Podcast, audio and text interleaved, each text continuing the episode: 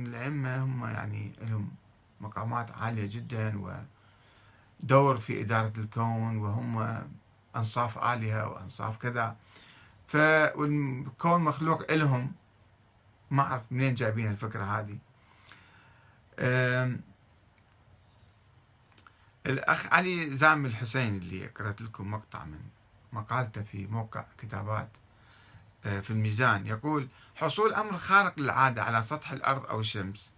لا بد من حصول أمر خارق للعادة على سطح الأرض أو الشمس لحدوث اتجاه دوران في الأرض مثل حدوث خلل في جاذبية الشمس أو برودة نسبية في سطحها تؤدي إلى اختلال دوران الأرض حول محورها أو حصول زلزال كبير. جدا في منطقة معينة من الأرض يؤدي إلى اختلال دوران الأرض كما حصل في زلزال اليابان. يستفيد يعني علميا يدعم هاي النظرية الأسطورية بأدلة علمية في حصل زلزال في اليابان جدا كبير فمحور الأرض شوية تأثر كم سنتيمتر أو كم مليمتر يعني. فإذا إذا هذا كان ممكن فالأرض يمكن ترجع القهقرة دورانها آلاف الكيلومترات في دقائق معدودة ثم ترجع مرة ثانية بسرعة بسرعة آلاف الكيلومترات ترجع ربع دورة أو نص دورة آه، وترجع وكل شيء يصير بالأرض يعني. فيقول يعني يحاول يفلسف المسألة علميا أنه تبين لنا من النقاط التي ذكرت بأن رجوع الشمس أمر وارد الحصول علميا. ليش تستغربون يعني؟ ولكن الله سبحانه وتعالى اختص الإمام علي بهذه المعجزة الكبيرة. ليبين للمنافقين المرتبة العظيمة للإمام سلام الله عليه كما جاء في كتبنا وقد ورد في كتب أهل السنة هذا الحديث ومنهم من نفى ذلك. طبعا السيوطي ينقل عنده كتاب في هذا الموضوع سنجي عليه. آه، الرواية موجودة في الخصال للمفيد. مئة منقبة الإرشاد قرب الإسناد البداية والنهاية. يعني البداية والنهاية ما أعتقد يأيدها إنما قد يكون يتحدث عن هذه القصة. رسائل في حديث الشمس من لا من لا يحضره الفقيه من الكتب الأربعة الشيعية بشارة المصطفى الإرشاد. هذه كتب كلها أخبارية.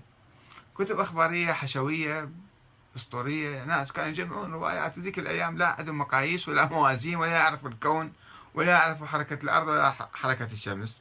فكل ما يسمع رواية وإن شاء الله هذه حلوة في حب الإمام علي وتعظم الإمام علي على أساس. فلماذا لا نذكرها؟ نذكرها ونكتبها بالكتب.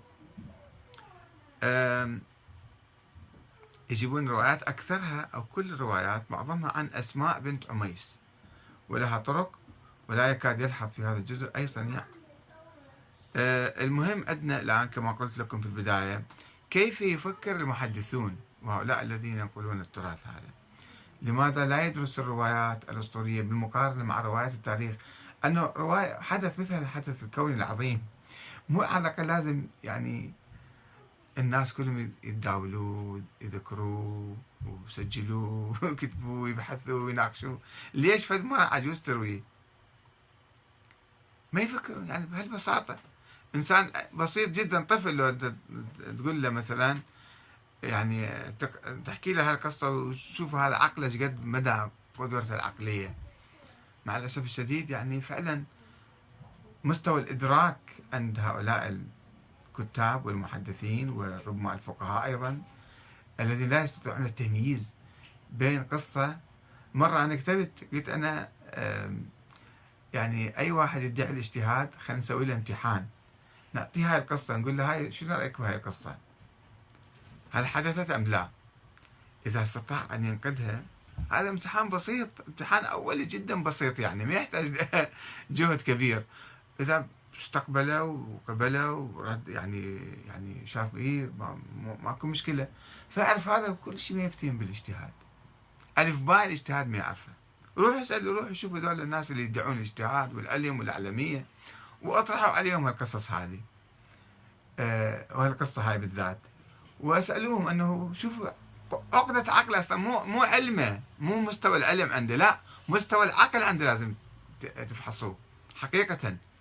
يعني مشكلة عقلية أكثر ما هي مشكلة علمية أو اجتهادية أو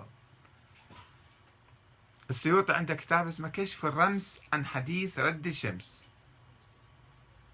طبعا الذي أطبق عليه الشيعة الإمامية. وفق الأخبار المتواترة. دائما شوفوا لما يروون هكذا أساطير وأساطير أخرى. هذه بسيطة يعني. أو الأساطير الأخرى تصبح بسيطة أمام هاي الأسطورة. يقول لك هاي حديث متواتر؟ يا أخي شو معنى التواتر؟ التواتر يعني الشيء اللي ما يشك به أحد. أحاديث الناس يقولوا لك صار زلزال مثلا في مكان معين. كل الناس ينقلون هذا الزلزال. إيه، أو يعني أحداث من هالقبيل أما تقول لي هذا متواتر حديث خرافي أسطوري شلون اصبح متواتر؟ وهو ما يرقى إلى حديث خبر الآحاد. تعرفون أنتم مستوى الحديث يعني عند الفقهاء. يعني خبر خبر هيك إشاعة أو خبر أو مثلا آه، حديث حسن أو كذا أو صحيح أو أو مجمع عليه أو متواتر. متواتر يعني بعد هذا الحديث ما أحد يشك فيه. فهل هاي الأحاديث وفي كل المراحل في كل الطبقات مو الآن. الآن أسطورة قد تنتشر.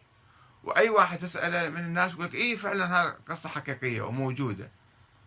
فلان ولد أو لم يولد فلان مات أو لم يموت فلان حدث حدث أو لم يحدث.